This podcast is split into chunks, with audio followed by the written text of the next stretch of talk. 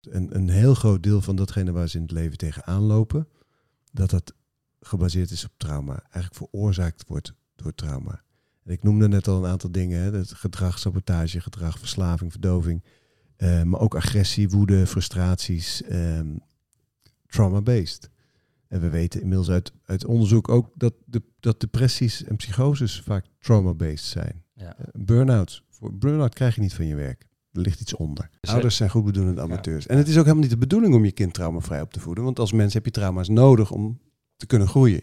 Ik loop tegen dingen in het leven aan. Ik heb bepaalde klachten. Ja. eh, bepaalde emoties waar ik niet meer over weg kan. Bepaalde staten van zijn die niet lukken. Bepaalde stemmetjes, gedachten. eh, kan van alles zijn. Bepaalde overtuigingen. Ik moet terug naar waar dat vandaan komt. Welkom bij de Op Inspiratie podcast. Mijn naam is Jan Dekker en samen gaan we op ontdekkingsreis om ons leven vol tips en trucs nog leuker te maken. Wil jij meer energie en heb je andere gezondheidsdoelen? Doe dan gratis de VitaKruid vitamine test en krijg persoonlijk advies over welke voedingssupplementen bij jou passen. Doe dit via de link vitakruid.nl slash opinspiratie. Slimme mensen zoals jij weten dat wanneer ook jij deze podcast gaat liken, delen of op gaat abonneren, zo nog meer mensen kunnen inspireren. Wil jij een inspirerende lezing, training of traject van mij voor jouw bedrijf, jouw schoolorganisatie of gewoon voor jezelf? Ga dan naar opinspiratie.nl. Robert Bridgman, dankjewel dat je hier bent. Ja, fijn om hier te zijn. Ja, hey, je hebt een eh, heel mooi boek geschreven, Trauma. Je bent gek als je het niet hebt. Eh, een mooie quote die je daarin eh, hebt is: eh, Trauma is eigenlijk iets als zandzakken bij een luchtballon. Ja. Kun je daar wat meer over vertellen? Ja, zeker. Nou, superleuk om hier te zijn. Leuk dat je me hebt uitgenodigd in, hier in je studio. Ehm, trauma is, ehm, denk ik, een missing link in de bewustwording. Er zijn natuurlijk heel veel mensen in Nederland, in België, in de wereld bezig met bewustwording, met spiritualiteit. En ehm, heel veel mensen hebben de meditatie ontdekt, hebben de plantmedicijnen ontdekt, hebben de yoga ontdekt, hebben de ademhaling ontdekt, hebben de ijsbaden ontdekt. Hebben de, nou, er zijn zo ongelooflijk veel mogelijkheden tegenwoordig. En heel veel mensen voelen ook, maar wacht eens eventjes, ik word teruggetrokken. Weet je, ik kan, ik, ik, ik, ik mediteer mijn ongeluk, Ja. maar toch komt nu dan die enorme eenzaamheid komt weer terug. Of ik raak getriggerd in bepaalde situaties, of, of ik eh, voel me somber, of ehm, ik drink ineens weer te veel. Hoe kan dat nou? Weet je, ik heb een tijdje op wilskracht heb ik het volgehouden. Ik was toch gestopt. Ja, oké, daar gaan we weer. En ehm, dat zijn allemaal gevolgen van trauma. En daar ben ik nu 15 jaar mee bezig om dat te onderzoeken. Hoe werkt dat? Ik ben geen psycholoog, geen psychiater. Eh, ik heb het allemaal in ehm, wel veel geleerd van psychologen, en psy- eh, psychiaters en psychologen. En ik werk ook veel samen met eh, mensen vanuit reguliere hoek. En het Ja, dat ook werd ook eh, geschreven door Bram Bakker. Ja. Ja. Traumapsychologen en eh, GZ-psychologen. Die ook in het boek geïnterviewd worden. Hè. En ehm, op een gegeven moment on- ontdekte ik het belang van trauma, maar ook vooral het effect van het transformeren van trauma. En ik omschrijf het dan, zeg maar, je, je bewustwording als het opstijgen van een luchtballon. En door je trilling te verhogen, door bijvoorbeeld meditatie, en door, die, door nou ja, goed, al die voorbeelden die ik net gaf, gaat die trilling gaat omhoog. Dus die luchtballon die gaat de lucht in. Ja. Alleen als er nog zware zandzakken aan hangen, dan gaat hij maar een klein stukje de lucht in en hij komt steeds weer neer. Donk, donk. En dat elastiekje, Ja. wat mensen gewoon heel goed herkennen. Op het moment dat je die, die zandzakken eraf haalt, dan kan die ballon ineens Stijgen. omhoog en ga je een stuk lichter leven. En dat is eigenlijk de missing link in bewustwording, is eh, toch al die traumatransformatie. En dat is eigenlijk, die zandzakken, die staan synoniem voor trauma's, Ja. voor oud zeer, eigenlijk voor karma. Ja, ja het is een, eh, een hele mooie metafoor. En als mensen nu denken, die zandzakken, hoe kan ik die touwen nou gaan doorknippen? Het transformeren van trauma. Ja, Ja, dat is een hele leer op zich. We hebben daar een hele een methodiek omheen gebouwd. Ik heb, ben in de loop der, eh, van de afgelopen 15 jaar nou, ja, heel veel opleiding ingedaan. Heel veel eh, teachers opgezocht over de hele wereld. Traumaspecialisten, transformateurs, energiewerkers. Ehm, inmiddels heel veel sessies daarin mogen geven. Dus het, is, eh, ja, het werk wat ik doe is gebaseerd vooral op die sessies en wat ik daarin ontdekt heb. En ehm, coaches opgeleid, transformatiecoaches in de, in de methode. En Als je dan kijkt naar wat is dan die methode, dan is, gaat het er vooral om dat je trauma gaat doorgronden. Dus ontdekken waar komt het eigenlijk vandaan. En wat wij noemen ontwortelen. Ja. Dus op het moment dat je, eh, je hebt een bepaalde klacht, bijvoorbeeld laten we nemen, je hebt somberheid of, of verslaving. Dat is een ingang naar een oud pijnstuk. En want je, je, ieder mens loopt trauma op in de jeugd. Dat kan niet anders. Je kunt als kind niet, je hebt ook kleine kinderen. Ja. Het, het gaat je niet lukken om die trauma vrij op te voeden. Nee, je zei al, we zijn eh, goedbedoelende amateurs. hè? Ouders zijn goedbedoelende amateurs. En het is ook helemaal niet de bedoeling om je kind traumavrij op te voeden. Want als mens heb je trauma's nodig om te kunnen groeien. Je Ja. komt een bepaald trauma, ja, karma vanuit andere levens, of vanuit je voorouderstructuur, of vanuit eh, energetische bronnen. Kom je dit leven, kom je dat oplossen, kom je dat helen. Dus je loopt een soort van karmische wonden op, trauma op, wonden. Letterlijk betekent het ook wond in het Grieks. Ehm, of in elk geval de Griekse vertaling is wond. En ehm, die wonden, die, eh, eh, die, die vragen aandacht. En die, en die doen pijn. En mensen zijn pijnvermijdende wezens. Dus wat, wat gaan we doen? We gaan die wonden afdekken onbewust. Dus dat kan zijn dat, dat je beschermingsmechanisme ontwikkelt. Een deel van je persoonlijkheid splitst zich af, gaat ervoor zitten. En je ontwikkelt beschermingsmechanismen of ged- verslavingsgedrag of sabotagegedrag of angsten, vermijdingsgedrag. Er zijn allerlei mogelijke manieren om de pijn van zo'n trauma niet te, te hoeven voelen.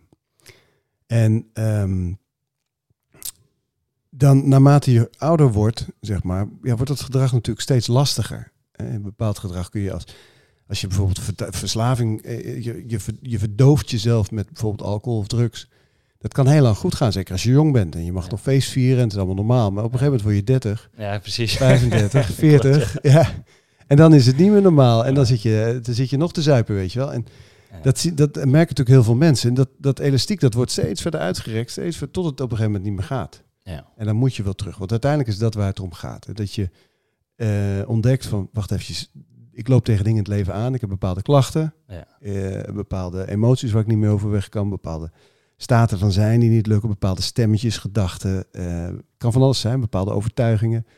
Ik moet terug naar waar dat vandaan komt. En dan kom je eigenlijk altijd uit in de jeugd. En van daaruit kun je, nou ja goed, naar die, die drie oorzaken die ik net aangaf, eh, kun je terug. En hoe weet je nou eh, specifiek eh, of dat het trauma is of dat het een ander trauma is? Dat weet je, dat is situationeel. Dus dat, dat weet je in het moment. Op het moment dat je ehm, als, als transformatiecoach met, met trauma aan de slag gaat, dan breng je je cliënt in een trance.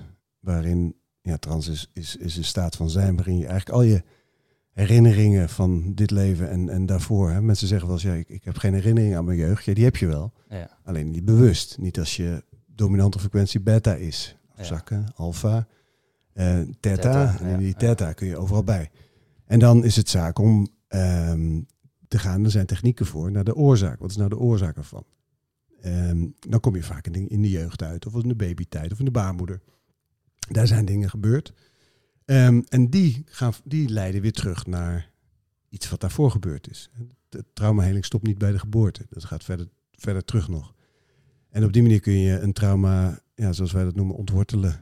Ja. Dus doorgronden is, is iemand meenemen. Maar als therapeut is het ook belangrijk dat je ehm, multidimensionaal leert kijken. Dus dat je niet een mens ziet als een lichaam en een persoonlijkheid, maar dat je er doorheen ziet. Dat je overtuigingen leert zien, dat je trauma gaat zien, dat je vorige levens gaat zien. Dat je, en dat kun je allemaal aanleren.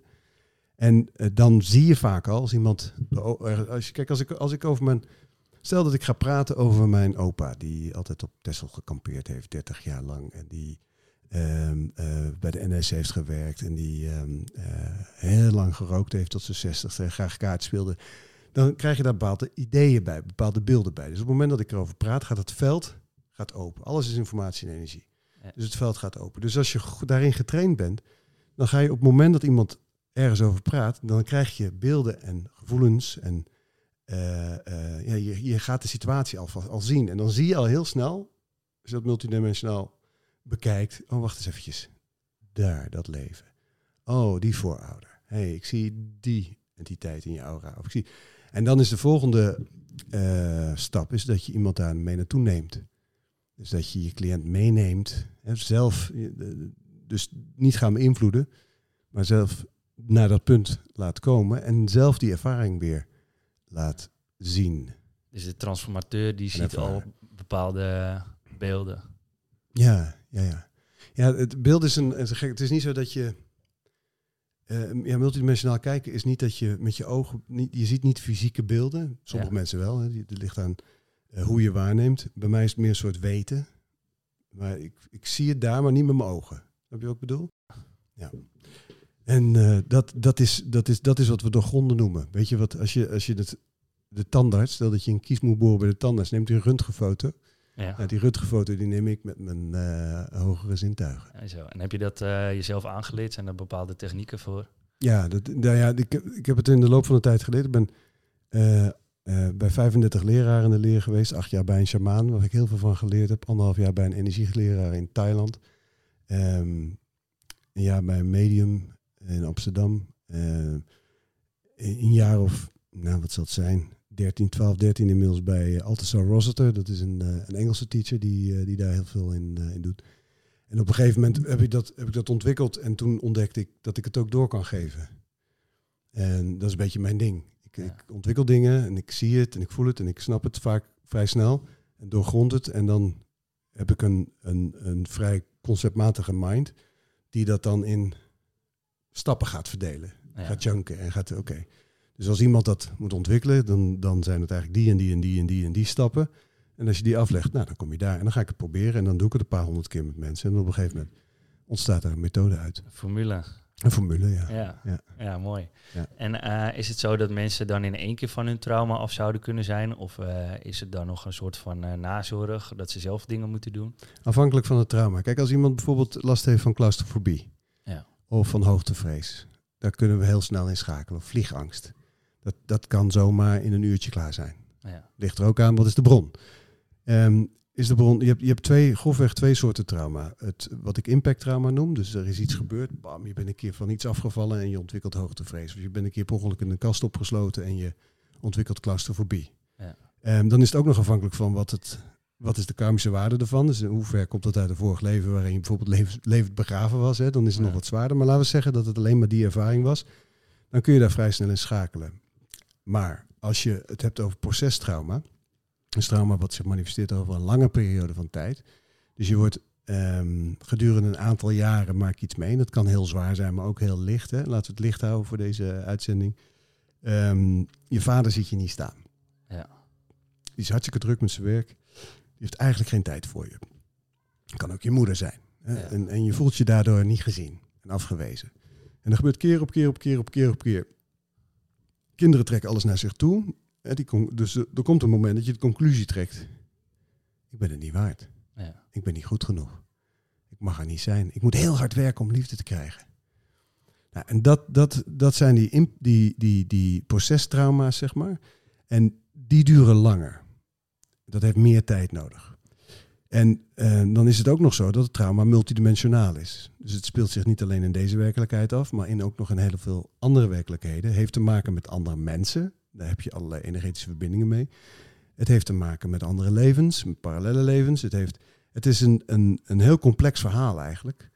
Ehm, dus ik zeg meestal tegen mensen, geef jezelf drie tot vijf jaar aan intensief traumawerk. Hoeft niet bij mij, mag ook bij iemand anders doen. ja. Kan niet eens meer bij mij trouwens, ik doe het niet meer. ik, ben, ik, ben- eh, ik heb zoveel sessies gegeven, ik vind het wel even best. Maar het is, ehm, ehm, eh, ja, de- en dan, dan merk je, weet je, ik geloof niet in quick fixes. Alleen Nee. bij kleine dingen, dan Ja. kan het wel. Maar ja, het heeft gewoon tijd nodig. Ja.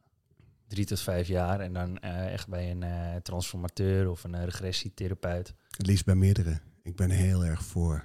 Ja, voor er zijn mensen die zeggen, ja, je moet niet spiritueel shoppen en zo. Nou, nou bij één ding.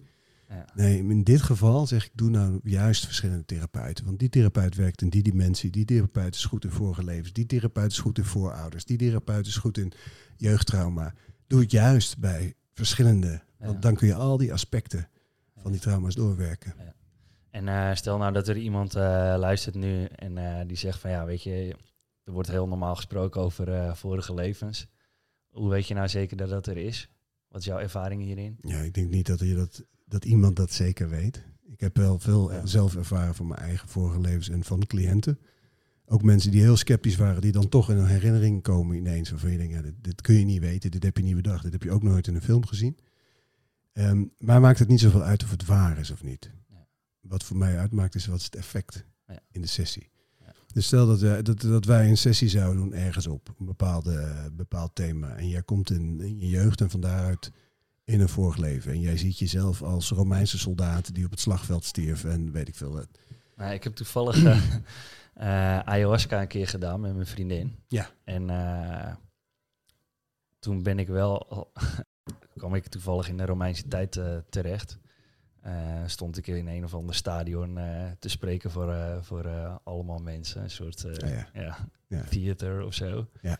Eh, alleen ik vraag me dan daarna altijd af, en misschien is dat een beetje mens eigen, van eh, ja, is dit, is dit niet gewoon een hallucinatie? Of snap je wat ik bedoel?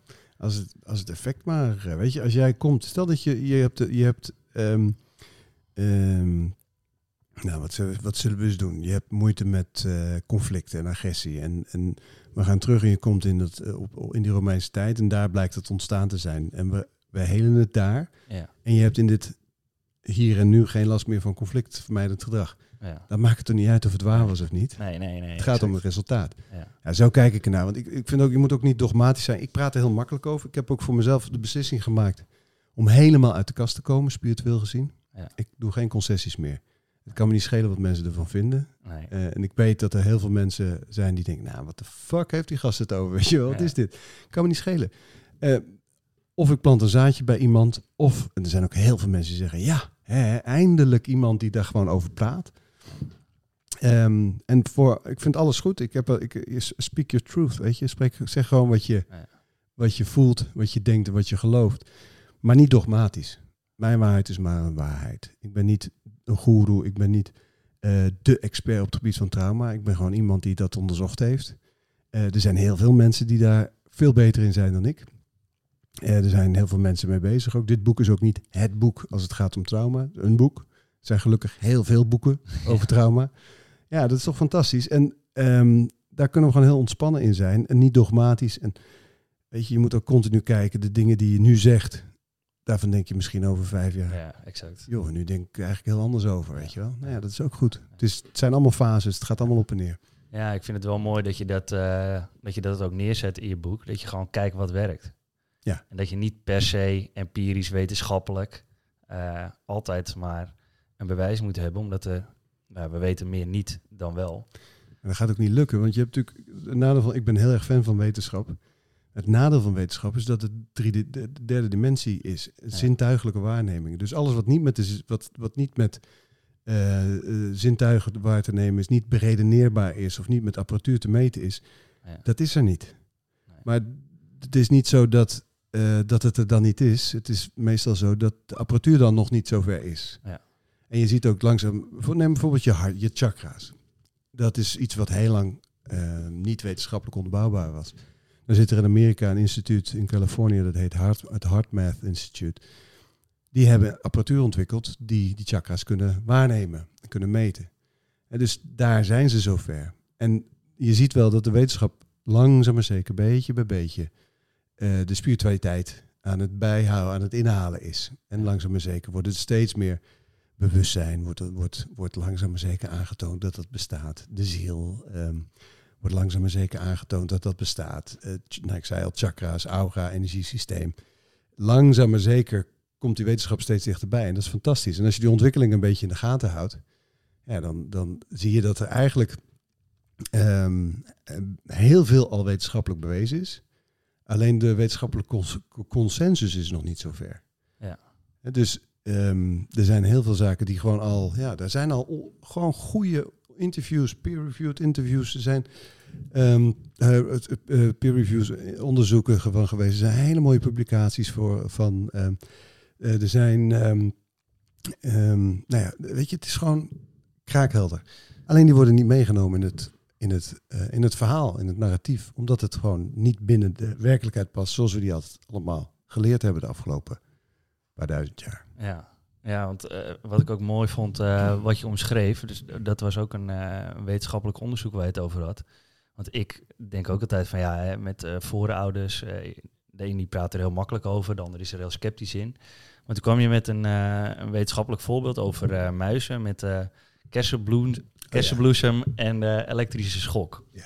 Kun je daar wat over vertellen? Nou, nee, want ik ken dat onderzoek niet. Ehm, ik heb het boek geschreven met Christine Pannenbakker. Ah ja. Was die er meer eh, in thuis? Dit was, dit was haar eh, Gedeelte. eh, gedeelte ja. Nee, ik kan het wel vertellen. De- die, eh, de, dit, wat, waar het onderzoek over gaat, is dat muizen. ehm, moet ik het even, even goed zeggen? Ik wil het Ehm, ook al voor je doen. hoor. Oh, vertel jij. Ja, dankjewel. Dat scheelt. Ja, ja. Nou, er, waren dus, eh, er was een groep muizen. En die kregen samen met kersenbloesem kregen ze een elektrische schok toegediend. Ja. Dus er ontstond een soort van Pavlov-effect als kersenbloesem Dat was, eh, dat was hem. geur Ja. er was. Dan schrokken ze zich een hoedje. Ja. Maar het was niet zo dat alleen die muizen dat hadden. Dat waren ook de nakomelingen en de nakomelingen daarvan. Ja, dus als die aan kersenbloesem ruikten, Precies, dan schrokken ze weg. Ja. Als ze kersenbloesem, dan vluchten ze. Omdat ze exact. die traumatische imprint van twee generaties daarvoor Ja. hadden. Terwijl ze zelf nooit een elektrische shock hadden gehad als ze kersenbloesem roken. exact. En dat is wel een beetje, dat is hoe het werkt. Ja. Toen dacht ik wel echt van, hé, hey, nu eh, gaat er bij mij wat eh, licht branden, Oh ja. om het zo maar te zeggen. Ja. Omdat er dit is gewoon wat wetenschappelijk, een wetenschappelijke basis is. Ik weet niet, ik vind dat toch fijn of zo. Aan de ene kant, terwijl ik ook wel eens ervaringen heb gehad. Ik had een keer dat ik, eh, dat ik terugfietste van een, eh, van een groot feest. En toen ging ik even eh, in een park, ging ik in de bosjes even plassen. Ik was in mijn eentje. En toen zag ik in één keer allemaal verschijningen. Oh ja. Een soort van zieltjes leek het wel. Oh ja. En ik was echt in een soort staat dat ik dacht van, dit, dit is waar ik vandaan kom, weet je wel. Echt een soort van 100% gevoel van, dit, dit, dit is het of zo. En dat gevoel bleef zo lang eh, bij me plakken. En, en daarna, toen heb ik ook echt mijn zusje opgebeld, van, eh, waarmee ik toen, eh toen samenwoonde. Van, ah, ik zie dit en dit is het, dit is het. Maar later ga je toch weer relativeren. Ja, ik heb gewoon te veel gesopen. Ja. Snap je? Ja. Dus dan ga je toch weer, zit je in een soort van twijfel. Is het gewoon een hallucinatie? Maar het gevoel was wel weer echt. Ja. Dus dan denk je, ja, waar, waar, waar komt dat nou vandaan? Wat is het nou? Ja, dit is de ongeziene werkelijkheid. Het is net als dat je, eh, als je, als je ayahuasca gebruikt of paddenstoelen of eh, truffels, dan ga je ook ineens allemaal dingen zien. Ja, En het is niet zo dat die dingen er niet zijn als je die stimuli niet gebruikt. ja, Maar je gaat meer werkelijkheid zien als je die stimuli gebruikt. ja. Hoe weten, we nou, hoe weten we nou zeker dat dat werkelijkheid is? En dat het niet een soort van fictie... Ja, dat voel je. Ja, ja, dat is het gekke. Dat had ik dus toen ook op dat moment. Ja. En mijn vriendin die eh, tijdens de ayahuasca-sessie, eh zij kwam er echt heel diep in. En ik kwam wat minder diep in. En die vrouw die zei, ja, je hebt veel te veel trauma's, daarom moet je continu overgeven. Ik was eigenlijk ja, bijna ja. alleen maar aan het overgeven, overgeven. Bijna de hele sessie lang. En ik heb wat flarden gezien van dingen, maar echt bijna alleen maar aan het overgeven. En mijn vriendin die zei daarna eh, dat ze werd meegenomen tijdens die sessie in haar, eh, in haar hoofd door een overleden vriendin van haar. En die liet haar toen eh, ja, alle poorten, eh, die liet haar een soort van de zielenwereld zien. En toen zei ze ook dus inderdaad tegen mij de volgende dag, van, nou niet de volgende dag, maar daarna, eh, je, je voelt gewoon dat dit echt is. Ja. Dat voel je gewoon in de kern van je, Ja. van je, van je zijn. En ja, nou ja, zoals ik al zei, we weten natuurlijk meer niet dan wel. Stel nou dat we al deze zintuigen niet hadden gehad. Ja, dan stel nou dat we nou niet zouden kunnen kijken. En iemand zegt, ja, er is een heel mooie kleurenwereld. Die verklaar je dan toch ook voor gek? Dat is die quote, hè? Ik weet niet meer precies hoe die gaat, maar zei die... ehm, de muziek niet kunnen horen, verklaren de dansers voor gek of zo, weet je dat? Ah ja, En zei die dansers eh, worden dwaas bevonden door zij die de muziek niet kunnen horen. En dat is een beetje wat het is. Kijk, als je de werkelijkheid bekijkt, ik, ik, ik vind het fijn om dingen in gewoon makkelijke te begrijpen concepten uit te leggen. En een van die concepten is ehm, dat je de werkelijkheid in drie delen zou kunnen opdelen. Eén is de relatieve werkelijkheid. Dus de werkelijkheid van alle dag. Waar Ja. jij en ik nu twee eh, personen zijn die aan tafel zitten te praten. En de een die praat over dingen waarvan de ander denkt, goh, interessant, maar wel een beetje vreemd.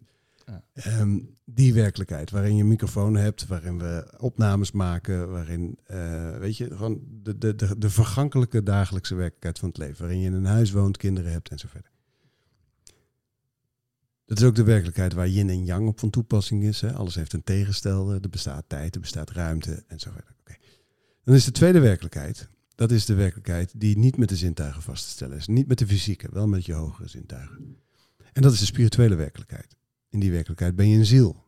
Uh, heb je meerdere levens, heb je gidsen, zijn er engelen. In die werkelijkheid um, praat je over reïncarnatie en verbindingen met, met uh, uh, alles wat zich buiten de aarde afspeelt. Dat is de spirituele werkelijkheid. Ook daar is nog een bepaalde mate van tijd en ruimte, maar veel genuanceerder. Dualiteit is, is daar op een heel ander niveau. En dan heb je tenslotte de absolute werkelijkheid. Dat is de werkelijkheid waar alles nu is, waar yin en yang opgelost is, waar geen tijd, geen ruimte, alles is. En al die drie werkelijkheden spelen zich tegelijkertijd af, ten alle tijden, op ieder moment. En mensen die ontwaken, die worden ook wakker en die ontdekken, hé, hey, wacht eens eventjes, er is meer. Er is meer dan, ik ben niet alleen maar een lichaam met een persoonlijkheid die elke dag naar zijn werk moet om geld te verdienen. Um, en die uh, uh, work, sleep, entertainment, work, sleep, eat, entertainment is geloof ik. ik. Er is meer. Ik ben meer. Ik voel meer. Ik weet meer. En je weet ook op een gegeven moment, en sommige mensen vliegen daar naartoe. Ik zie het boek Ik ben zijn staan van Srinivas Kadatta Maharaj. En ik ben een tijd in de leer geweest bij een van zijn leerlingen. Dat is het non-dualisme, de Advaita Vedanta. En um, die, die, die, dat is de absolute werkelijkheid. Alles is één, alles is, uh, zeg maar de, de, ja, de, de, de, de, de, de unity, die eenheid. Maar dat is een, er zit nog een stuk tussen de werkelijkheid van het fysieke lichaam en de werkelijkheid van de eenheid. En dat is die spirituele realiteit. En ik denk dat die heel belangrijk is. Daar worden de meeste mensen ook in wakker. Soms slaan ze hem over, dan gaan ze direct in die non-dualiteit. Uiteindelijk kom je altijd terug bij dat spirituele stuk, omdat je, um, je, je bent de bron.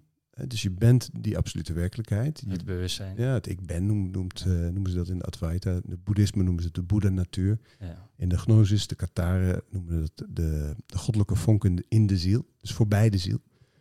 Maar je bent de bron in een multidimensionele uh, uitdrukking van een mens. En de mens heeft een zielsaspect, een spiritueel aspect, een karmisch aspect.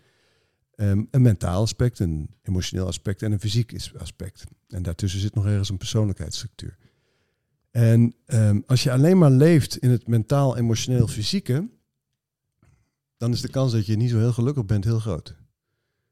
Omdat je eigenlijk alles wat het leven mooi maakt, gelukkig maakt, alles wat te maken heeft met overvloed, met wijsheid, met dankbaarheid, met um, passie, met creativiteit, dat zijn eigenlijk allemaal al energieën die zich op een spiritueel niveau afspelen. Wijsheid bijvoorbeeld, dat kun je niet met je emoties voelen. Wijsheid kun je niet met je gedachten beredeneren. Iemand met veel kennis is niet wijs. Wijze mensen doorzien de realiteit en uh, kijken vanaf een ander level als het ware naar wat er zich afspeelt. Dat speelt zich op spiritueel niveau af. En van daaruit um, kun je dat in je aardse zijn. Want uiteindelijk, laten we heel, dat wel heel duidelijk zeggen, voor mij gaat het erom dat we het hier doen. Ja. Dus niet daar, maar meer die realiteit meenemen in onze dagelijkse realiteit. We moeten hier gaan zweven. Dat zei Faya Laurens ook. Uh, die zat hier ook. Die zei precies hetzelfde als jij. Ja. We moeten het wel dat van daar hier naar brengen en niet andersom. Ja, ja Faya is tof. Ja, dat heeft ze helemaal gelijk in. En Faya is natuurlijk ook opgegroeid met uh, spiritualiteit en, en engelen. En uh, heeft ook weerstand tegen gehad in haar leven. En is nu um, gebruikt het op, op de manier waarop het bedoeld is. Niet om naartoe te vluchten, maar om hier vorm te geven en je te laten gidsen, te laten begeleiden, te laten meenemen in um, het pad van je ziel. Om, uh, om nog even een stukje toe te spitsen op uh, het wetenschappelijke waar we, waar we het over hadden. Uh, je vertelde dat er meerdere frequenties zijn, hè, dat uh, alles bestaat uit informatie en energie. Um, hoe kun je nou van een, uh, een lage frequentie, dus stel dat je je moe voelt, et cetera, hoe kun je daar nou een hoge frequentie van maken? En, en uh, mijn vervolgvraag is ook eigenlijk, uh, hoe weet je of je in een lage frequentie zit? Is dat meetbaar? Ja, er worden wel frequenties aan emoties gegeven. Boosheid en angst en verdriet, maar ook vermoeidheid, frustratie en irritatie, dat het allemaal op een bepaalde frequentie trilt. Ik heb daar nooit onderzoek naar gedaan, maar ik kan me dat wel zo voorstellen.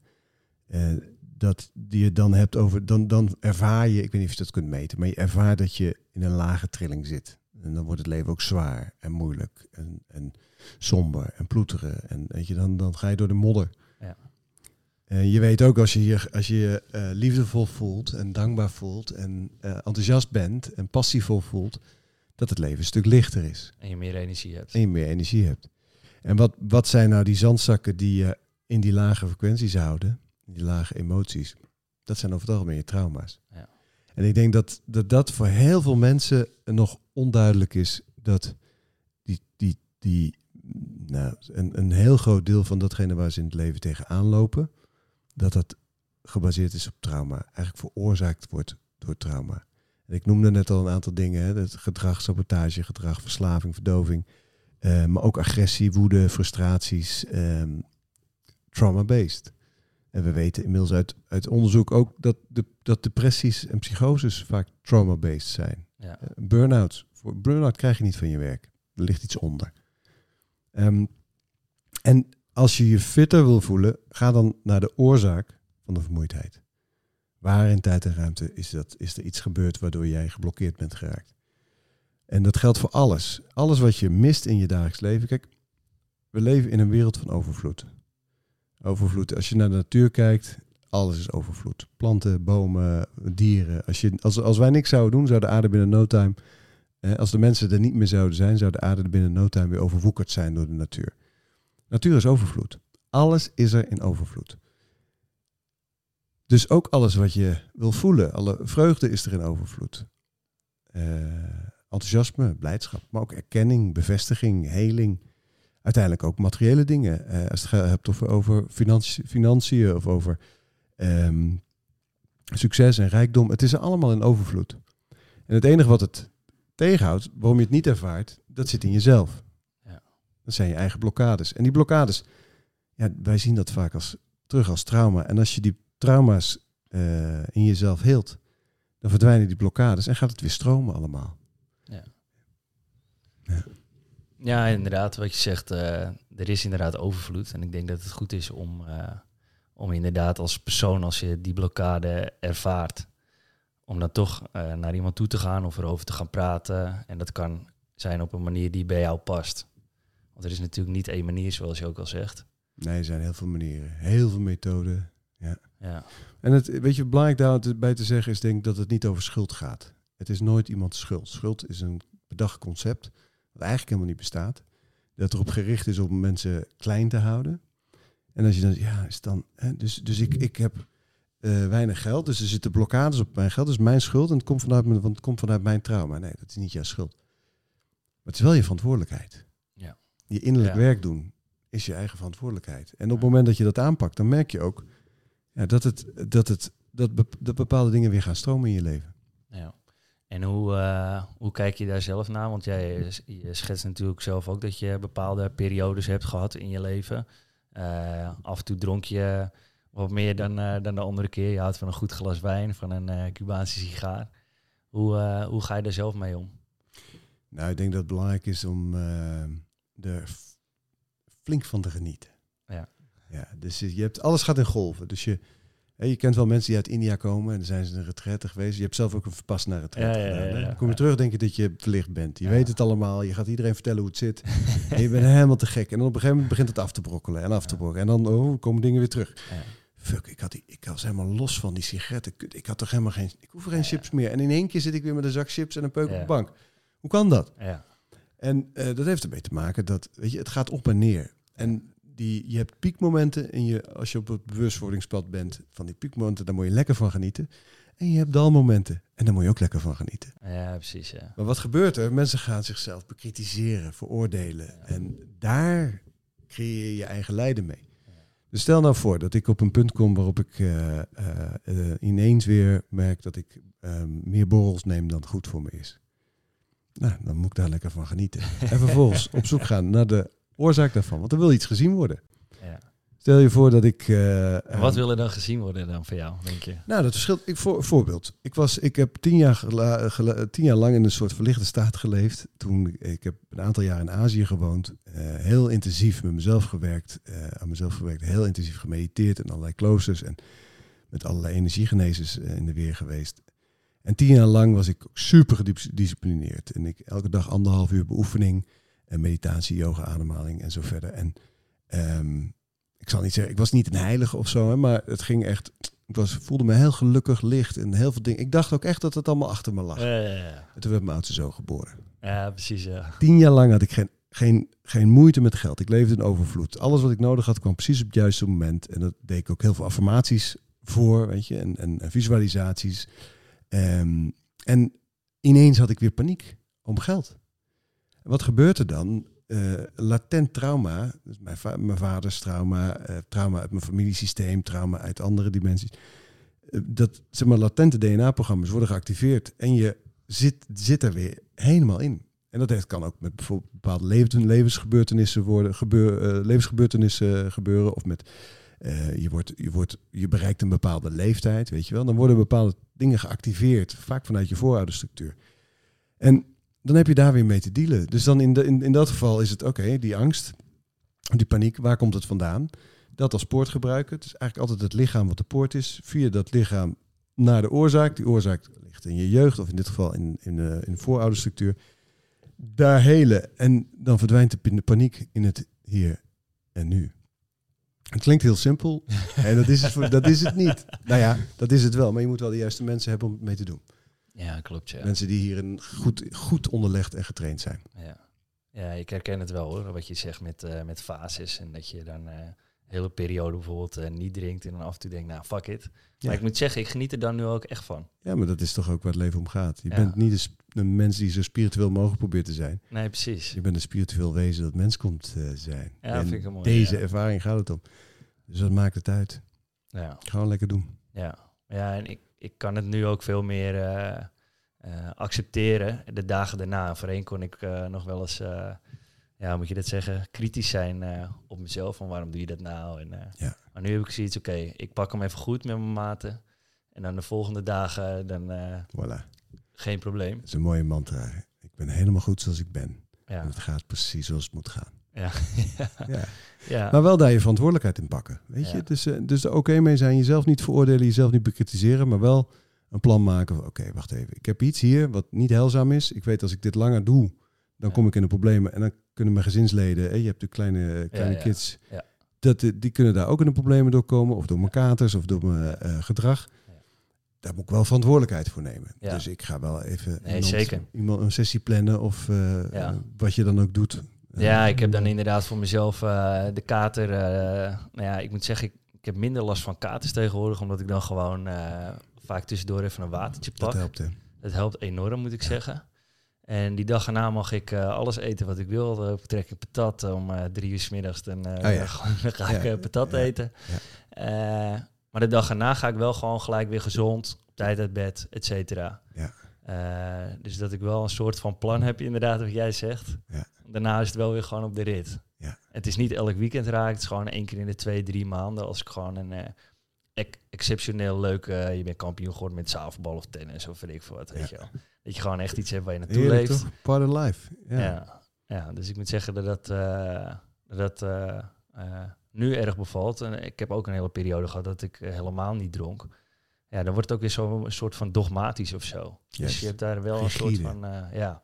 Ja. En dit eh, leeft lekkerder, Ja. om het zo maar te zeggen. Ik denk ook dat het, dat het een, een, een, een grote misvatting is dat we eh, verlicht moeten raken. Ja, je zegt geschreven authentieker. Ja, Niet verlicht, verlichting, maar authentiek. verlichting is een gevolg. Dat ergens in de komende duizend jaar raak je een keer verlicht. Laten we daarvan uitgaan. En dan los je op en dan kom je nooit meer terug. Of je, er zit nog een voorstadium aan waarin je kunt kiezen wanneer en hoe je terugkomt. En tot die tijd ben je gewoon een ziel gebonden aan je karma. En leven is een avontuur van de ziel. In mijn optiek. Je komt hier om het, echt- om het echt te ervaren in alles. Positief en negatief. Weet je, als, het, als je geniet, zit je, zit je ziel te juichen. En als je eh, eh, in die diepe dalen zit, dan zit je ziel met popcorn te kijken van oké, wat gaat er nu gebeuren? Hè? Weet je, ik chargeer. Maar ehm, Je schreef daar ook iets over. Passie is de taal van de ziel. passie is de taal van de ziel. Volg je passie. Ja, maar het is dus in mijn optiek, die verlichting is niet het doel. Dat is uiteindelijk een keer de uitkomst. Het doel is dat je zo authentiek mogelijk wordt. Dus zoveel mogelijk jezelf. Ja. Laag, lage afpellen. Ja, Alles wat je, als je alles afbeeldt wat je niet bent, Ja. kom je vanzelf bij wie je wel bent. Ja, dat is een mooie. En ehm, waar ik ook nog even eh, wat over wilde weten is... eh, ja, ik ben nu natuurlijk net vader geworden. eh, voor de tweede keer dan. Ja, gefeliciteerd. Nog niet zo lang Ja. geleden. hè? Nee, nee, nee. Vier Ja, weken is hij. Ja. Kinderen zijn een zegen. ja, absoluut. Ik moet zeggen, je zit... eh, als je een beetje met bewustzijn bezig bent... dan zit je heel erg vaak en heel erg lang in het moment. Ja. Dat je er echt extra van kunt genieten of zo. Ik had het hiervoor, wilde ik altijd alles snel, snel, weinig geduld. Ja. Hè, als ik al in de rij stond bij een kassa, dan dacht ik, Ja. "Oh, schiet op, schiet op, schiet op. En nu heb ik dat helemaal niet meer. Lekker hè? Ja, ja dat leeft echt heel fijn. Dat is ook fijn in de momenten met je kinderen, die leven helemaal nu. Ja, precies. Maar ehm, ja, wat, ik, eh, wat ik wilde vragen is, eh, mijn, mijn dochtertje die is eh, nou, best wel rustig, relaxed, kan zich prima zelf vermaken. Mijn zoontje is ter wereld gekomen hier thuis, ook heel rustig, ontspannen. Eh, doet het hartstikke goed, echt eh, slaapt goed, eet goed, drinkt goed. En wat ik dan terughoor van, eh, van andere ouders of andere mensen, is dat ze heel vaak zeggen, het kind die weerspiegelt toch de ouders. Hè? Als je rustige ouders hebt en die staan relaxed in het leven, dan is het kind ook rustig. En andersom natuurlijk, mensen die heel druk zijn of gestrest reageren op kinderen. Stop, dit, dat, je kent het wel. Eh, zeggen, ze, zeggen ze dus dat, eh, dat kinderen daardoor ook eh, eh, ja, drukker zijn, gestrester. Kun jij daar wat, over, wat meer over vertellen? Dat doet me denken aan een verhaal dat we. ik, kom, ik kom zo terug op zeg maar de, de, hoe dat ontstaat. Dat een kind wordt zoals de ouders. Maar ik moet even denken aan een verhaal. toen wij in ons Vietnam ons centrumje hadden. Toen eh, mijn vrouw Monique is yoga-docent onder andere. En dus vrouwencoach en zwangerschapsbegeleider en zo. Begeleidster. En eh, zij gaf een yogales. S ochtends in ons centrum hadden we een yogastudio. S ochtends aan kinderen. En dan einde van de dag aan, aan de moeders. Ja. En die, die kinderen die hadden dan aan het eind van de, van de les lagen ze lekker in, eh, in, de, in ontspanning, in de savasana. En dan kwamen die moeders binnen. Nou, kom op, we moeten nu naar hockey. Kom, we moeten nu naar dansen. Kom, even allemaal opstaan, up, pandjes opruimen, kom, we gaan. En Monique dacht elke keer, jongens, jongen, meiden. Of ze hadden zelf toen nog kinderen, maar er klopte hier iets niet. Ja. En toen heeft ze dus eh, een keer tijdens de les aan de moeders. De moeders lagen allemaal lekker aan het eind van de les in de savasana. En Monique die staat ineens op. Zegt, nou meiden, kom op. Allemaal even de mat opruimen. Je hoeft er nu naar huis. en die moeder zei, maar van, wat, de wat is dit? Wat doe jij? Wat, wat, eh, dit, eh?" En toen zei, ze, dit is wat jullie bij je dochters doen. Hè, dus ouders hebben daar heel veel invloed op. Maar ja, als, je, als je helemaal teruggaat naar je, toen je op aarde kwam. En als je kijkt naar jouw zoontje, ja. toen die nog niet verwekt was, vlak voordat jij en je partner bij elkaar kwamen, was hij een oneindig potentieel. Ja. Het kwantumveld, een ziel in het kwantumveld, alles mogelijk. En wel bepaald karma mee en bepaalde. Er zit, een kind wordt al met een karakter geboren. Dat, dat weet elke ouder. Je hebt, ik heb drie, drie zoons, drie totaal verschillende jongens. Dat heeft alles te maken met het karma waarmee je aankomt. Maar goed, het is een, er is, alles is mogelijk. En vervolgens, nou ja, jij en partner hebben het gedaan. Dat kan bijna niet anders. Een Volgens zaadje en eitje ja. komen bij elkaar. Ja, je weet je het nog? Ja. In Italië. En, dan, en dan begint het conditioneringsproces. Ja. Dus eh, hoe je een kind verwekt, wat je denkt terwijl je een kind verwekt, wat je voelt terwijl je een kind verwekt, als ouders, is al mede bepalend voor de conditionering. Vervolgens komen die, die acht basiscellen, een kind begint zich te ontwikkelen, het embryo, en dat kindje, dat is een soort spons voor alles wat er uit de omgeving komt. Want het lijkt wel alsof het afgeschermd zit door die, in die baarmoeder en door die buik, maar het is natuurlijk illusie, alles is energie en informatie. Dus die, die, die, dat kind gaat zich aanpassen aan de situatie waarin het ter wereld komt. En dat is logisch, want je moet overleven. Het maakt nogal wat uit in welk gezin je ter wereld komt. In wat je nodig hebt. Wat je moet, hoe je eruit moet zien, hoe je moet denken, hoe je moet voelen, hoe je moet praten, eh, hoe je moet, eh, wat je moet vinden, wat voor overtuigingen je hebt, wat voor systeem. Dus eigenlijk begint het aanpassingsproces van jouw zoontje al vanaf de verwekking. En de hele periode in de baarmoeder is, heeft ze zich aangepast aan jou en je vrouw en de mensen om jullie heen en je ouders en de familie en de structuur en de, en de samenleving waarin je niet terecht zou komen. Want een mensenkind is volledig afhankelijk van zijn ouders. En lang ook nog. Dus hoe meer die op zijn ouders lijkt, hoe groter de kans is dat hij liefde en aandacht krijgt en dat hij overleeft. Ja. Dat over, dan komt hij vervolgens ter wereld. Die bevalling is essentieel voor hoe het kind eh, eh, gaat zijn. Hè? Dus inderdaad, een rustige... Waarom is die zo belangrijk? Uh, dat is het eerste contact met, het, met, de, met de wereld. Het heeft alles met trauma ook te maken. Monique omschrijft het ook in het boek. Hè, dat, uh, op een gegeven moment Anna Verwaal, zie je heel een, een, expert in. Bevallingstrauma, zwangerschapstrauma. En zij zegt, op een gegeven moment had zij een, een cardioloog. En elke keer als hij met de pomp ging werken, een cardioloog, een, een, een gynaecoloog. Elke keer als die man met de pomp moest werken, dan raakte hij helemaal bezweet en een beetje paniekerig en zo. En toen zei zei van, tegen hem: ga eens onderzoeken of je zelf, hoe jouw geboorte was. En bleek inderdaad dat hij ook met een pomp gehaald was. En dus het, het, het, het blijft in je, in, je, in je celgeheugen zitten, in je, in je herinnering zitten. En als die geboorte, je, stel je komt eruit, je bent in die baarmoeder geweest, daar heb je ook dingen meegemaakt. Hè? De angst van je moeder, stress, ruzie van je ouders, agressie van je vader, eh, verslavingen om je heen. Je neemt alles op, je, bent gewoon, je downloadt het gewoon allemaal. En stel je voor dat je komt ter wereld en het verschil tussen je komt ter wereld in een zaal verlicht met um, TL-licht.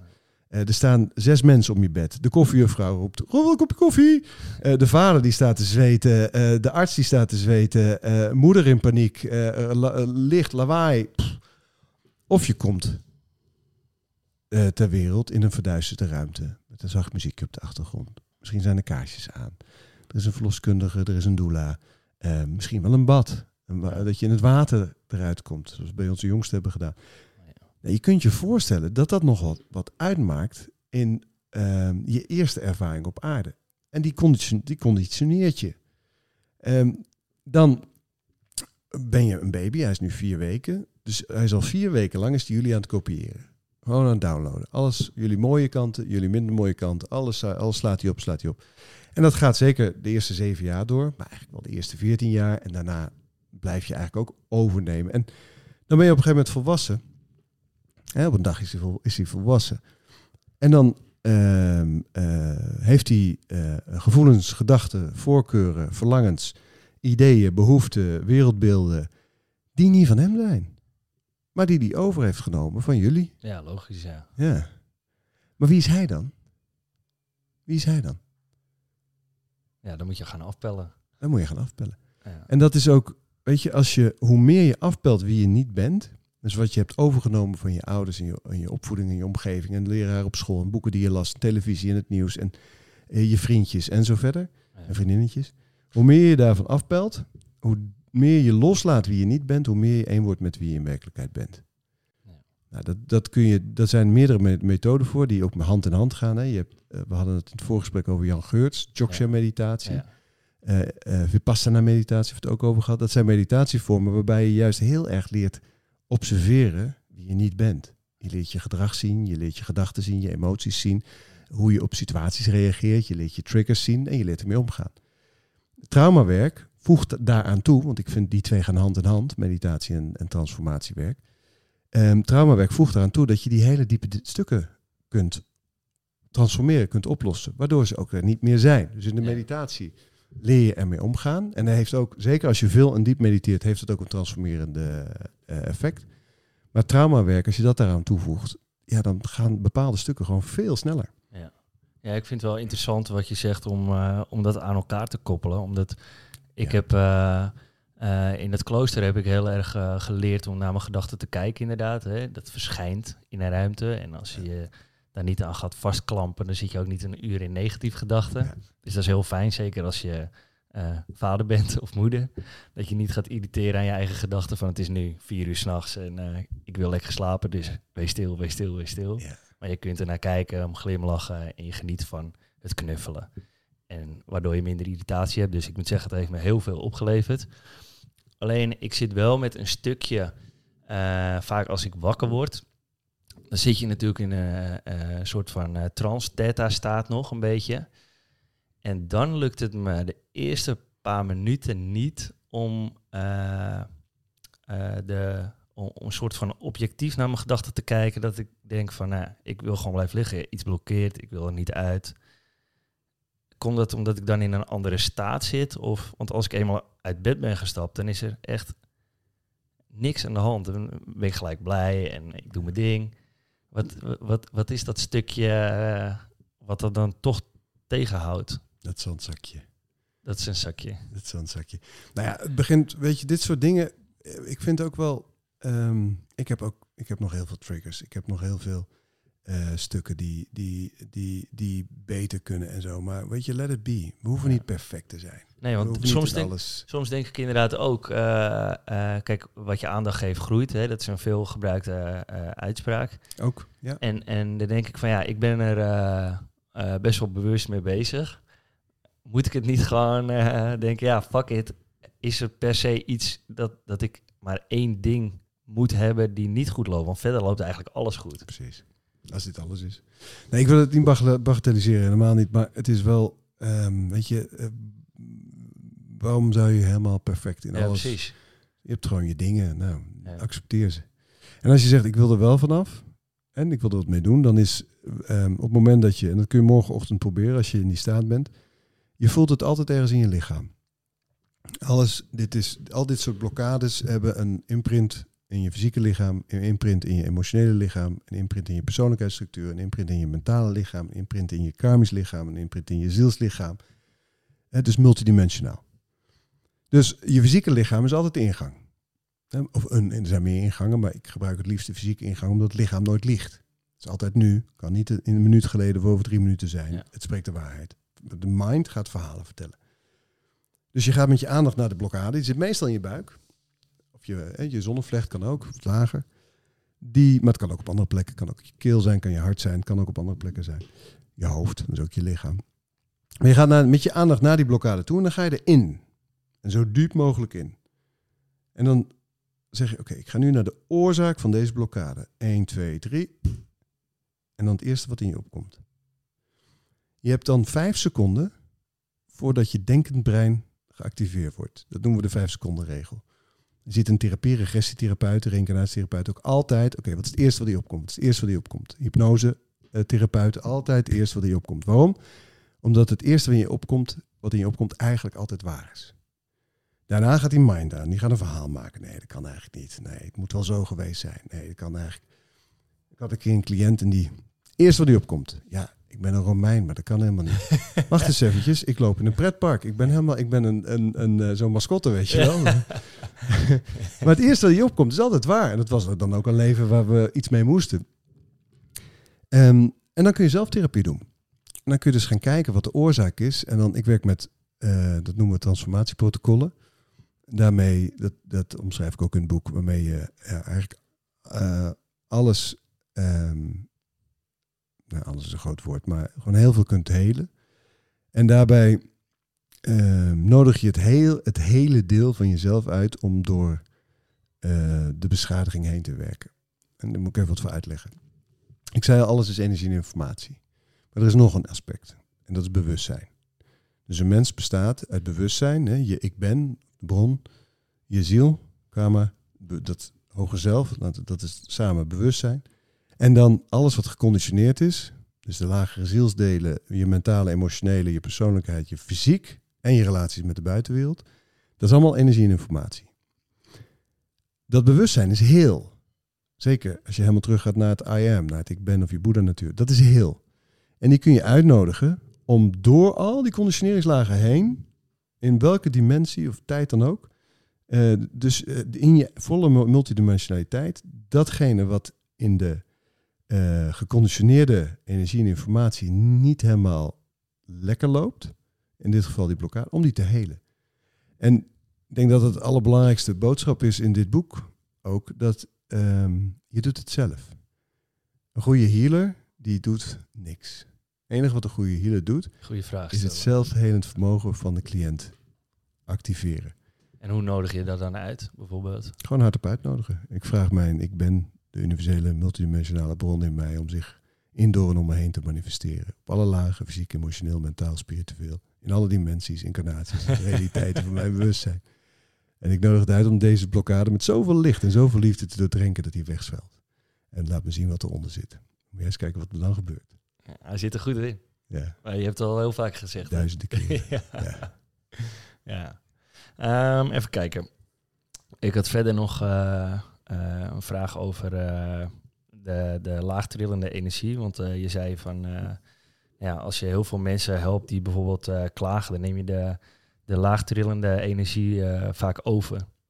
Hoe, eh, hoe werkt dat eh, precies? Want je hebt inderdaad wel eens, eh, iedereen herkent het wel, denk ik. Je zit met iemand te praten, iemand loopt helemaal leeg. En daarna gaat die persoon weg en dan denk je van, jezus, ik ben kapot. Ja. Wat is dat nou? Nou ja, dat, dat verschilt per situatie, maar over het algemeen kun je zeggen dat het alles is energie en informatie. En dat je de energie en informatie van die ander hebt overgenomen. Ja. Of dat die ander. Het is vaak ook een exchange. Jij krijgt de shit en die ander neemt jouw fijne gevoel mee. ja, ja, want die ander gaat voelt helemaal vrolijk naar huis. Ja, precies. Ja. Ja. En jij zit met de gebakken peren en denkt, fuck, ik ben er weer in getrapt. ja, dat is wel waar, ja. Ja. En eh, je zegt natuurlijk eh, vaak in een bijzin van ja, alles is eh, informatie en energie. Stel nou dat er iemand luistert die denkt van ja, wat, wat, wat bedoel je daar nou precies mee? Nou, alles in het, in het, in het, in het, in het geconditioneerde bestaan, zeg maar zeker alles in die, in die relatieve werkelijkheid. Deze tafel bestaat uit moleculen, Ja, het glas ook, wij ook. Die moleculen die bestaan uit atomen. Die atomen bestaan uit protonen en elektronen en ehm, neutronen. En dat bestaat vervolgens weer uit kwantumdeeltjes. Het is uiteindelijk, uiteindelijk is het niks. Ja. Het is iets omdat wij afgesproken hebben en dat kunnen voelen. zijn en geleerd hebben dat het iets is. Ja, we kunnen het voelen omdat we dat afgesproken hebben met elkaar onbewust. Weet je, we hebben er gewoon generatie op generatie geleerd dat dit hard is. Dat dit echt is. Maar dat wil niet zeggen dat het ook daadwerkelijk zo is. Het is energie en informatie die zich nou ja, aan ons, de- weet je, de, de, de, de, de, de waarneming waarmee wij kijken maakt wat het object uiteindelijk is. Jij bestaat ook uit energie en informatie. Elke gedachte, elke emotie, elke eh, overtuiging, elk trauma bestaat uit energie en informatie. En je hebt, je hebt, waar, waar zijn gedachten? Die kun je niet vastpakken. Nee. Die kun je ook niet meten. Je kunt wel meten dat de gedachten door je hersenen heen komen. Dat kun je inzichtelijk maken. Ja. Je kunt ook, maar je kunt bijvoorbeeld, ehm, er is nog nooit een gedachte in het brein gevonden en uitgelezen. Weet je, dat je met een scanner ligt en dat, eh, wacht eens even, je zit aan porno te denken. Dat, is, eh, dat heeft nog nooit een wetenschapper ontdekt. Gelukkig, misschien dat het ooit wel, wel kan. Maar het is, ehm, die gedachten zijn energie en informatie. En jouw hele energieveld, ook het, je hebt een fysiek lichaam, maar ook een emotioneel lichaam, een mentaal lichaam, een spiritueel lichaam. Dat is allemaal energie en informatie. En ehm, daar zit ook een continu. Wij zijn nu ook energie en informatie aan het uitwisselen. Je leert van elkaar. Ja. Als, ik, als ik met jou praat en jij hebt een probleem en ik wil jou heel graag helpen, dan onbewust zeg ik, geef het maar mij. Dan ben jij er vanaf. Zuig ik je informatie op. Of jij denkt onbewust, oh fijn, hij kan het hebben, ik geef het aan hem. En ik neem die energie en informatie van hem. Dat is een, een, een ehm, heel menselijk iets eigenlijk om te doen. En de kunst is dan om bij jezelf te blijven. En als je helemaal uitgeput bent na zo'n gesprek, dan zeg je universele multidimensionale intelligentie werkt bij mij op alle lagen. Transformeer alle energie die ik heb overgenomen in liefde en stuur het terug naar het vandaan komt en vul de ruimte die gemaakt wordt met liefde, vrolijkheid en energie. Dan moet je eens kijken wat er dan gebeurt. Dan kan je dan niet van tevoren blokken of zo. Ja, alles wat je blokt is uit angst. Weet je, Ja, laat diegene lekker. En je kunt het beter daarna herstellen. Ja. Of in het gesprek al. Als je hierin getraind raakt, dan voel je op een gegeven moment in het gesprek al, wacht even, hier wordt energie getapt. Ga ik dat Ja. toelaten of niet? Dan kun je het ook terughalen. Ja. Ehm, maar je kunt dan ook zeggen, weet je wat, laat het maar toe, maar vul direct bij mij aan. Ja, en dan krijg je kakelverse universele energie binnen. En je geeft die anderen een goed gevoel. ja, dat is win-win. Ja, toch? Ja. En eh, je zei net ook eh, dat, eh, dat de wereld bestaat uit polariteiten. Hè? zonder donker geen licht. In dualiteit, ja. Ja, ja. dualiteiten, polariteiten. Ehm, tegenstellingen in ieder geval, inderdaad, Precies. waar we het over hebben. Ja. Ehm, alleen nu vroeg ik me dus af. sommigen die zeggen inderdaad dat alles uit tegenstellingen bestaat. Maar stel nou dat je bijvoorbeeld heel erg geniet van je kind. Nou, je weet hoe dat is. Wat is dan de tegenstelling daarin? De slapeloze nachten. ja. Ik weet niet, ik heb ze al tien jaar. ja. ja, precies. Dus dat je hem gewoon verder zoekt, maar niet van dat moment. Maar Ja, gewoon alles- inderdaad... eh, Alles in deze relatieve werkelijkheid is vergankelijk. Ja, Eh, een kind levert je heel veel plezier op, maar ook heel veel zorgen. Eh, pijn als het kind ziek is, als het kind, weet je, wij, ja zorgen. ja, we hebben nu iets met onze jongste, daar is iets mee aan de hand wat mij echt al zorgen baart. Hij, hij, hij, hij levert me ook heel veel liefde en, en, en geluk op. Maar op dit moment ook zorg en angst. Ja. Dus het is altijd in balans. Ja. Ja. Hier, in deze werkelijkheid. In de, in de zielswerkelijkheid, in de spirituele werkelijkheid heb je die dualiteit veel minder. Dus dan is er veel minder licht en donker. Is, is in principe ook wel in balans. Hè? En in die absolute werkelijkheid is er geen dualiteit. niks. Nee, nee, nee. Maar dat zijn we, dat- daar zijn we nog niet. Ja. en eh, ben, je, ben je wel eens bang dat je een, eh, een spiritual eh, bypass zou ont, ontwikkelen? Of zie je mensen die dat... Ik denk dat heel veel mensen dat doen. Maar als je specialiteit is om in de blubber te duiken, in de trauma, in de angst, in de diepe shit, ja, dan is het juist niet een spirituele bypass. Een spirituele bypass is dat allemaal lekker weg, wegstoppen, daar niet naar willen kijken ja, en lekker in die bovenste chakras blijven. Hart verlicht, hoofd verlicht, maar niet buik verlicht. Ja. En, ehm, weet je, en daarbinnen, ik denk dat er bepaalde delen van mij, van mijn leven zijn waarin ik, wel, waarin ik wel spirituele bypasses heb. En er zijn andere delen waar ik het dwars doorheen breek. Ja. Het is niet zo, je kunt, het is, het is niet zwart-wit. We Nee. bestaan uit zoveel elementen, aspecten, onderdelen, persoonlijkheidsdelen, ehm, energiestukken, dat ja, bepaalde stukken die kunnen knetterver zijn. ja. Terwijl andere stukken nog eh, eh, heel ver achterlopen. Ja. Dus ik, om- ik zal niet zeggen dat er niet, dat er niet ergens stukken zijn die ehm, zeggen, nou ik blijf lekker in die hoge lagen, dan hoef ik die pijn niet te voelen daar. Nee, Ja, nee, inderdaad. ik denk dat iedereen dat heeft. Ja. En ehm, nog even terugkomend op, eh, op de ziel. Je had zo'n mooie zin. Eh, passie is de taal van de ziel. Ja. Soms eh, weten mensen niet wat ze werkelijk willen. Hoe kunnen ze daar nou eh, concreet achter komen? Nou, dan gaan we weer naar je zoon toe. Stel, je zoon is straks eh 18. Dan komt hij bij mij.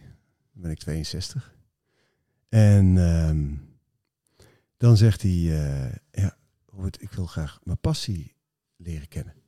Ik wil graag weten wat ik wil. Wat is nou mijn missie op aarde? Wat is nou echt van mij? Wat wil ik nou eigenlijk doen? Wat is mijn zielsmissie? Wat... Weet je wat ik dan tegen hem zeg? Heb je een idee? V- wacht, wacht vijf seconden en dan komt het antwoord. Ga eerst eens drie tot vijf jaar alles wat je van je ouders en je omgeving Oh, en afpellen. televisie hebt overgenomen transformeren, afpellen. Want als je afpelt wie je niet bent, dan komt er vanzelf wie je wel bent omhoog. Je authentieke zelf. En dan ontvouwt je zielsmissie zich. Want ik krijg deze vaak natuurlijk va- vraag natuurlijk vaak. Hè? Ah, kun je me helpen mijn passie vinden Ja, of mijn zielsmissie? Dan is dit het antwoord. Ja, dat kan, maar eerst transformatie. Altijd. Eerst die, eerst die ehm, niet eigen stukken loslaten. En dan ga je merken dat je nergens naar hoeft te zoeken, maar dat die zielsmissie zich gewoon ontvouwt. En dat je ineens voelt wat je te doen hebt. Dat de juiste mensen op je pad komen, de juiste kansen op je pad komen, de juiste situaties op je pad komen, de juiste inzichten, eh, de juiste hulpbronnen. Ja. Ja. Ja, want eh, dat zeg je inderdaad goed. Hè? Als je tevreden bent, eh, dan, dan ontvouwt zich het allemaal. Mensen komen op je pad. Nee, ik, ik herken helemaal wat je, wat je omschrijft. Soms denk ik ook wel eens van, ja, kijk, er wordt veel gesproken over dat de ziel zich wil ontwikkelen in eh reïncarnatie. Alleen dan denk ik ook, ja, en dat is dan misschien weer mijn, mijn, mijn kritische brein, is dat niet een stukje menselijk concept dat we hebben verzonnen omdat dat we ons graag willen ontwikkelen? Is het niet gewoon zijn? Dat je geen doel hebt of zo in het leven, maar dat je hier gewoon bent zonder een doel. En dat je gewoon. eh, In de absolute werkelijkheid. Ja. Absoluut. Ja, staat ook alles al lang vast. Daar is geen tijd of ruimte. Alles speelt zich nu af. In de zielswerkelijkheid niet. Daar heb je een missie. In het dagelijks leven heb je eh, verlangens, eh, eh, weerstanden en verlangens. ja, Genot en pijn. ja, Tegenstellingen. En ga je van genot naar pijn en denk je dat je een vrije, vrije wil hebt als je een zak chips op de bank leeg zit te vreten. De neocortex is continu bezig om het limbisch systeem tevreden te houden. Maar hoe kijk jij naar vrije wil dan? Nou, die bestaat op zielsniveau. Maar niet op relatief niveau en ook niet op absoluut niveau. Daar is, daar is niks qua vrije wil. Dus als je eh, mensen zeggen de vrije wil bestaat niet, dat zijn vaak mensen die zich of alleen maar in die relatieve werkelijkheid begeven, of non-dualisten die in de relatieve en de absolute werkelijkheid zijn. Maar in die zielswerkelijkheid speelt zich een heel ander scenario af. Daar is wel degelijk vrije wil. De ziel kiest het leven, ouders, situatie, de hele, de whole. In mijn waarheid. Hè? Maar nogmaals, geloof niets van wat ik zeg. Onderzoek het zelf. Ja, het is, mijn, het is mijn werkelijkheid. Het is niet de werkelijkheid. Nee, maar dat vind ik ook wel, eh, wel mooi hoe jij hierin staat. Eh, En eh, daarom, daarom heb ik je ook uitgenodigd, omdat je vrij, ja, hoe moet je dat zeggen? je bent niet zo dogmatisch. Dat, probeer ik niet te zeggen. Nee. Ja. Het is echt, je geniet zelf van het leven. Je, pro- je probeert niet overal een label op te plakken. Je kijkt wat voor mensen werkt. En eh, op basis daarvan eh, eh, geef je tips en adviezen. Dus dat wilde ik je nog even meegeven. Dat, ja, vind ik tof. Dankjewel. wel mooi, ja, dat, is, dat is wel hoe ik het probeer te doen. Ja. Ja, dus, een soort levend voorbeeld zijn van Ja, precies. genieten van het leven. ja, you have to walk the talk, om het zo maar te zeggen. Ja, zonder dat dat weer dogmatisch wordt. Ja, precies. Ja, ja. klopt, ja. Moeten we ook niet te doorslaan. Maar eh, nee, super tof. Eh, ik denk dat we aan een mooi einde zijn, eh, zijn gekomen van, eh, van dit gesprek. Is er iets dat je, dat je zelf nog mee wil geven?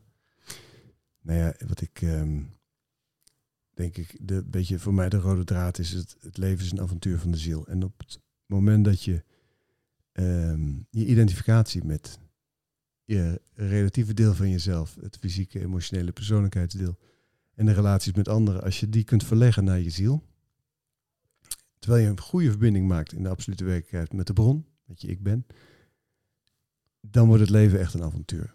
En zeker wij hier in Nederland, en er zijn mensen die het echt wel moeilijker hebben dan andere mensen. Ehm, er zijn mensen die, die, die moeten overleven om, om te kunnen bestaan. Ehm, maar er zijn ook heel veel mensen in Nederland en België die niet meer hoeven te overleven. Die het gewoon goed hebben.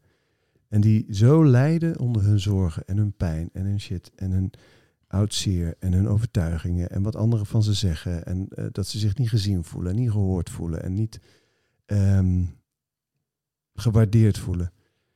Ja, dan, dan is een, een, een antwoord op je problemen zou kunnen zijn, verleg je identificatie van je lichaam en je persoon en wat anderen van je vinden naar je ziel. Ja. En dat gaat nooit helemaal. Want er zijn, altijd, er zijn ook delen van mij die zich nog volledig met die relatieve werkelijkheid identificeren. En die ook nog wat de, eh, als iemand wat van me vindt, dan vindt het grootste deel van mij vindt het prima. En er zijn een aantal stukken die daar nog steeds van ineen krimpen. En dat is ook oké. Ja. Dus het is niet een, een wedstrijdje spiritueel doen, maar wel hoe meer je die kant op gaat, hoe lichter het leven wordt. Ja, mooi. Hey, ehm, waar kunnen de mensen jou vinden als je contact met je willen zoeken of eh, iets anders? Het boek Trauma is eh, eh, overal verkrijg, verkrijgbaar op het moment. Het kwam binnen op nummer 10 in de top non-fictie top 10 van Nederland. En 27 van de, tota- de top 60 zeg maar, van best verkopende boeken. Dus er is Ja, echt wel heel veel vraag naar en heel veel interesse voor dit onderwerp, wat ik fantastisch vind. Een holistische visie op trauma. Eh, dus dat boek kun je overal kopen in Nederland en België. En mij vind je eh, op mijn website robertbridgman.com. Super. Ja. Nou, dan eh, wil ik je hier eh, hartelijk bedanken en op naar meer avonturen. Ja, superleuk. En dank voor deze uitnodiging. Ja, ik vind dat je prachtig werk doet met je podcast. Ja. En heel veel geluk met je kinderen. Ja, dankjewel. Jij ook. Tof dat je mee op inspiratie was. Wil jij een inspirerende lezing, training of traject van mij voor jouw bedrijf, jouw schoolorganisatie of gewoon voor jezelf? Ga dan naar opinspiratie.nl.